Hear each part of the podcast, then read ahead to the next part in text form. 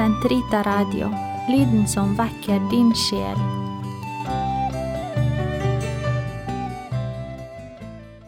Kroppens teologi, en kommentar til pave Johannes Paul 2.s onsdagskatekeser av Eirik Ambrosius Stenhoff.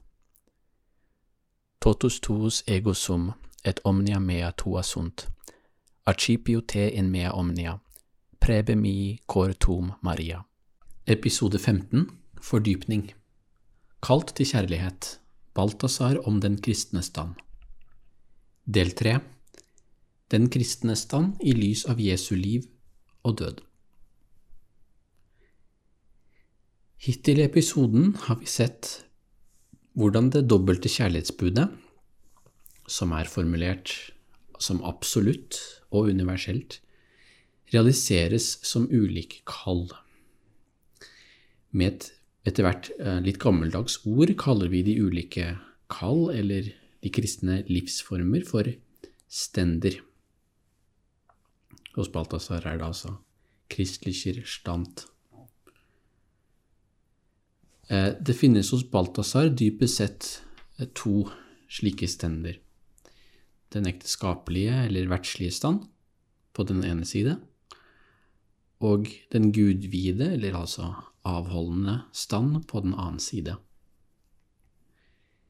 Felles for dem er at de eh, bekreftes som løfter man avgir.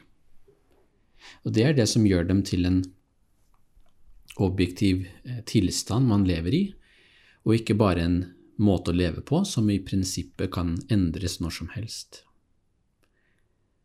Balthazar skriver på det grunnlag at vi aldri kan innrømme en tredje stand i kirken eh, for de single eller noe sånt, uten at det går på bekostning av de to andre, og dermed på hele, hele troverdigheten um, til evangeliet, sier han. Dette må likevel ikke misforstås, og det er lett for oss å misforstå det i en tid som vår. Poenget er ikke at mennesker ikke kan leve hellige eller rettskaffende liv, uten å være enten gift eller å ha avlagt de evangeliske løfter. Det finnes avgjort slike mennesker, både gjennom kirkehistorien eh, og i særlig stor grad i dag. Balthazar snakker i stedet om stendene ut fra deres eh, objektivitet. Kristus kaller ingen til å være singel. Likevel må vi erkjenne at ikke alle mennesker kan eller bør leve i et ekteskap eller et gudvidt liv, av ulike grunner. Vi må også huske på det Jesus sier om, eh, om å være evnuk eh, på en måte som ikke er av egen fri vilje. Vi må huske at ut fra katolsk terminologi snakker man ofte om tre ulike stender, eller kall i kirken, presteskap, ordensliv eller ekteskap. Hos Balthazar har vi altså to. Og for Balthazar så tilhører de to førstnevnte, altså presteskap og ordensliv, eh, det som for ham er en mer grunnleggende kategori. Og en, en beslektet årsak er at denne tredelingen ikke makter å fange opp en livsform som selv sto ham nær, nemlig kallet til et liv som både var fullt ut verdslig og fullt ut gudviet. Altså kallet til et sekulærinstitutt eller et eh, konsekrert liv eh, som er organisert gjennom et, et religiøst institutt eller selskap. Balthazars egen erfaring fra Johannes Gemeinschaft som var sekularinstituttet han grunnla sammen med mystikeren Adrien von Speyer, har preget refleksjonene her. Det skal vi også se i det følgende. Vi fortsetter noen refleksjoner om den kristne stand. Ifølge Balthazar har vi ikke ennå sagt alt om dette. Den kristne stand, fortsetter han, og fremfor alt det gudvide liv, kan bare forstås i lys av Kristus selv. Et sosiologisk perspektiv er ikke nok, det vil si et perspektiv som kommer utenfra liksom, den kristne kjernen på et eller annet vis. Vi kan fortsette å beskrive ulike måter å leve på, eller hvordan de forholder seg til hverandre innbyrdes, ut fra distinkte logikker, kanskje til og med med referanser til evangeliene. Men i ethvert eh, perspektiv som er primært verdslig, vil eh, særlig kallet til avholdenhet fremstå som en flukt fra verden, skriver Balthazar. Et slikt kall, en slik stand, gir bare mening innenfor relasjonen til Kristus. Så utgangspunktet for hans videre kommentarer her er det vi alt har vært inne på i onsdagskatekesene, nemlig menneskets relasjon til Gud fra begynnelsen. Balthazars eh, anliggende her er, er, å si at enhver redegjørelse for dette, for denne relasjonen i begynnelsen, nødvendigvis må suppleres med en kristologisk dimensjon. Balthazar viser bl.a. til Kolossebrevet kapittel 1, som snakker om Kristus som eh, skapningens førstefødte, logos, ved hvem alle ting er skapt. Så eh, vi er skapt i Kristus. Vi kan derfor ikke se på forholdet mellom begynnelsen og frelsen i Kristus som motsetninger til hverandre. Kristus er nettopp enheten mellom dem, følgelig må de ses i sammenheng. Deretter må vi se på Jesu eget liv og betydningen av inkarnasjonen. Idet Sønnen stiger ned i verden, skriver Balthazar, og dette er et tema som er eh, distinkt for ham, avdekkes også relasjonen til Faderen, og Sønnen tar også Eh, verden opp til Faderen igjen. Her avdekkes fundamentalt sett en kjærlighetsrelasjon som er en relasjon som altså finnes i Gud selv, mellom de tre guddommelige personer. Samtidig er det som om eh, Sønnens nedstigning i verden og hans oppstigning tilfører noe nytt, også til Gud, i en forstand. Inkarnasjonen innfører en avstand mellom Faderen og Sønnen som ikke var der mellom de to guddommelige personene allerede. Sønnen er jo sann Gud og sant menneske, og menneskeligheten er noe han må bære alene, nettopp som en Guds tjener. Og det er bare på denne måten at Jesus kan ta våre synder på seg. Dette har også en implikasjon for hvordan vi ser på skapelsen. Den er, skriver Balthazar, ikke i seg selv en absolutt tilstand. Den er nettopp en begynnelse. Om enn en salig begynnelse, en slags konsekrert begynnelse. Men begynnelsen får sin fulle mening i Kristus.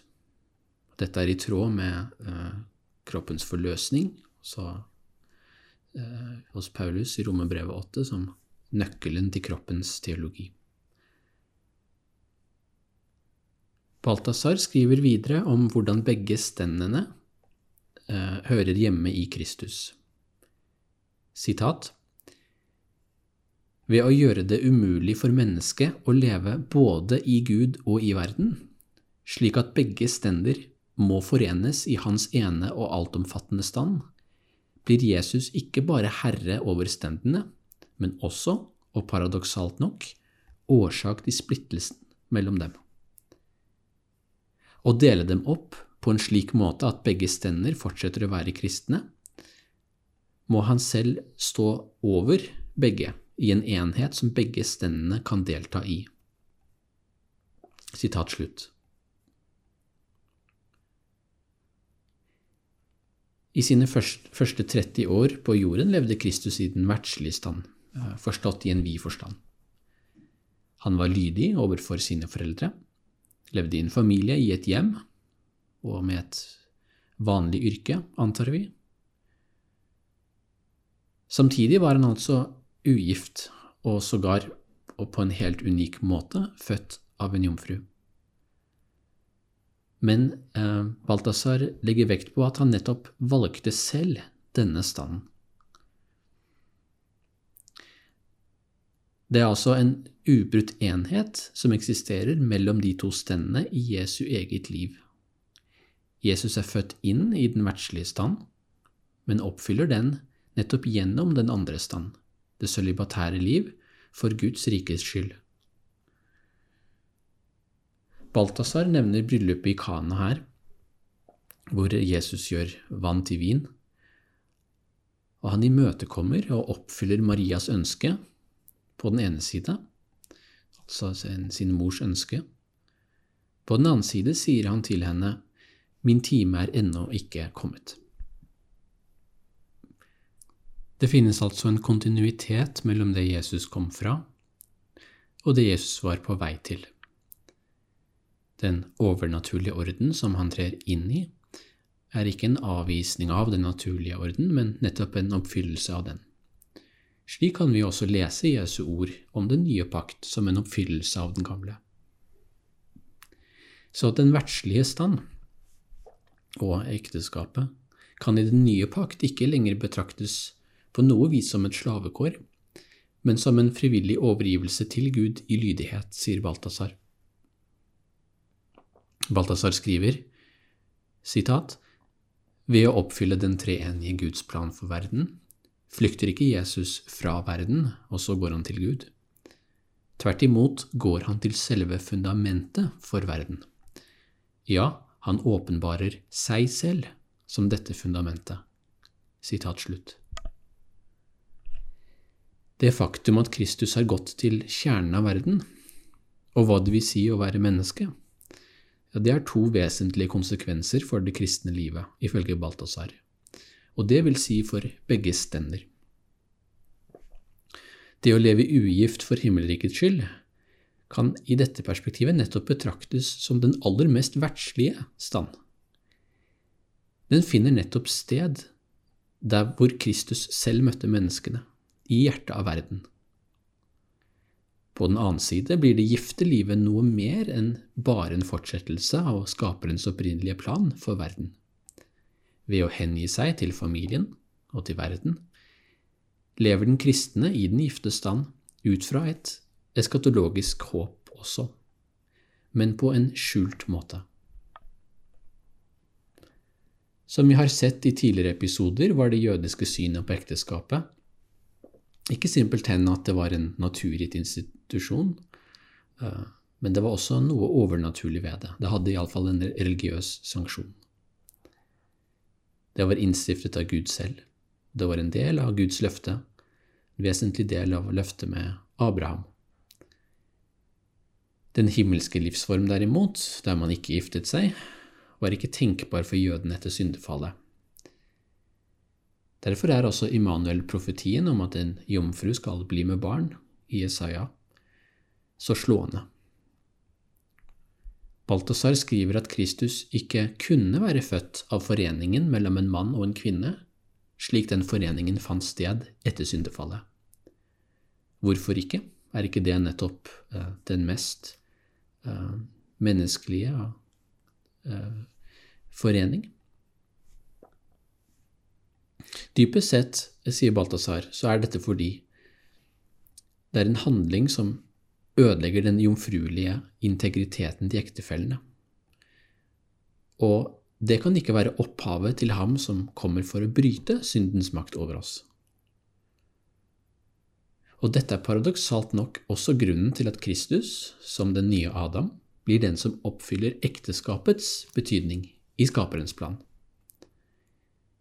fordi han ble til i en forening som gjenspeiler den opprinnelige foreningen mellom mann og kvinne i paradis. Og Derfor kan vi si med Balthazar, som siterer Paulus her, han som har fylt alle ting med sin nåde, som det heter i Efeserne 4.10, har også fylt ekteskapet med sin nåde. Og ekteskapet, som et eh, særskilt kristensakrament, har eh, på denne måten sin kilde i Kristus i Kristi liv. Vi skal se nærmere på Efeserbrevet kapittel 5 og den brud-brudgom-tematikken som vi finner der, i neste del av katekesene, og den handler om ekteskapssakramentet. Vi begynner med dette i neste episode allerede. Noen av Balthazars kommentarer her, som vi også vil komme tilbake til, kan være verdt å nevne i denne sammenhengen. Det overordnede for poenget, eh, poenget, for Balthazar hele tiden er å vise hvordan den som lever gift, og den som lever ugift for himmelrikets skyld, nettopp som kristne stender, begge deltar i Kristus, altså som er en um, ubrytelig enhet. Han, han, sammenfatter disse stendene i seg. Balthazar skriver med referanse til Efeserbrevet 5 at akkurat som Eva var formet av Adam, var kirken formet av Kristus. Og Det er noe mer enn bare en, en from metafor. Skapelsesberetningen er jo interessant her. Eva blir ikke skapt uh, uavhengig av Adam skapelsesberetningene uh, er ikke separate, liksom. Hun blir nettopp skapt ut av Adams side, mens han sover en slags opprinnelig søvn. De er altså ulike, eh, og de har uh, ulike kjønn, kjønnskomplementaritet, men nettopp med utgangspunkt i en forutgående enhet. Og dette beskriver på en annen måte det pav Johannes Paul eh, mener med distinksjonen mellom opprinnelig ensomhet og opprinnelig forening. Den opprinnelige ensomheten er, som vi har sett i de foregående episodene, også en jomfruelig stand. Mennesket var først alene, uten en hjelper. Den kristologiske betydningen av denne ensomheten har vi så vidt berørt over. Balthazar reflekterer over dette ut fra korsets betydning. Korset, skriver han, innfører en ny uh, åndelig form for fruktbarhet i verden som ikke var der i begynnelsen. Og denne korsets fruktbarhet er en spesifikt jomfruelig form for fruktbarhet. Og den gjenreiser Adams opprinnelige frukt, uh, jomfruelighet, eller ensomhet, som gikk tapt etter syndefallet som vi har sett. Men også i den forstand at den er en spesifikt kirkelig form for fruktbarhet. Og Guds egen fruktbarhet, som vi her snakker om, tilhører nettopp hele Guds folk. Så det er på denne måten vi heretter må kvalifisere den ugifte stand, sier Balthazar, nemlig i lys av Kristi kors. Det er på denne måten vi kan si at den som lever avholdende for himmelrikets skyld, lever et, etter Balthazars ord, et kvalitativt høyere kall enn den som gifter seg, og ikke i en moralsk forstand. De lever nettopp for Kristus gjennom Kirken, på en total måte.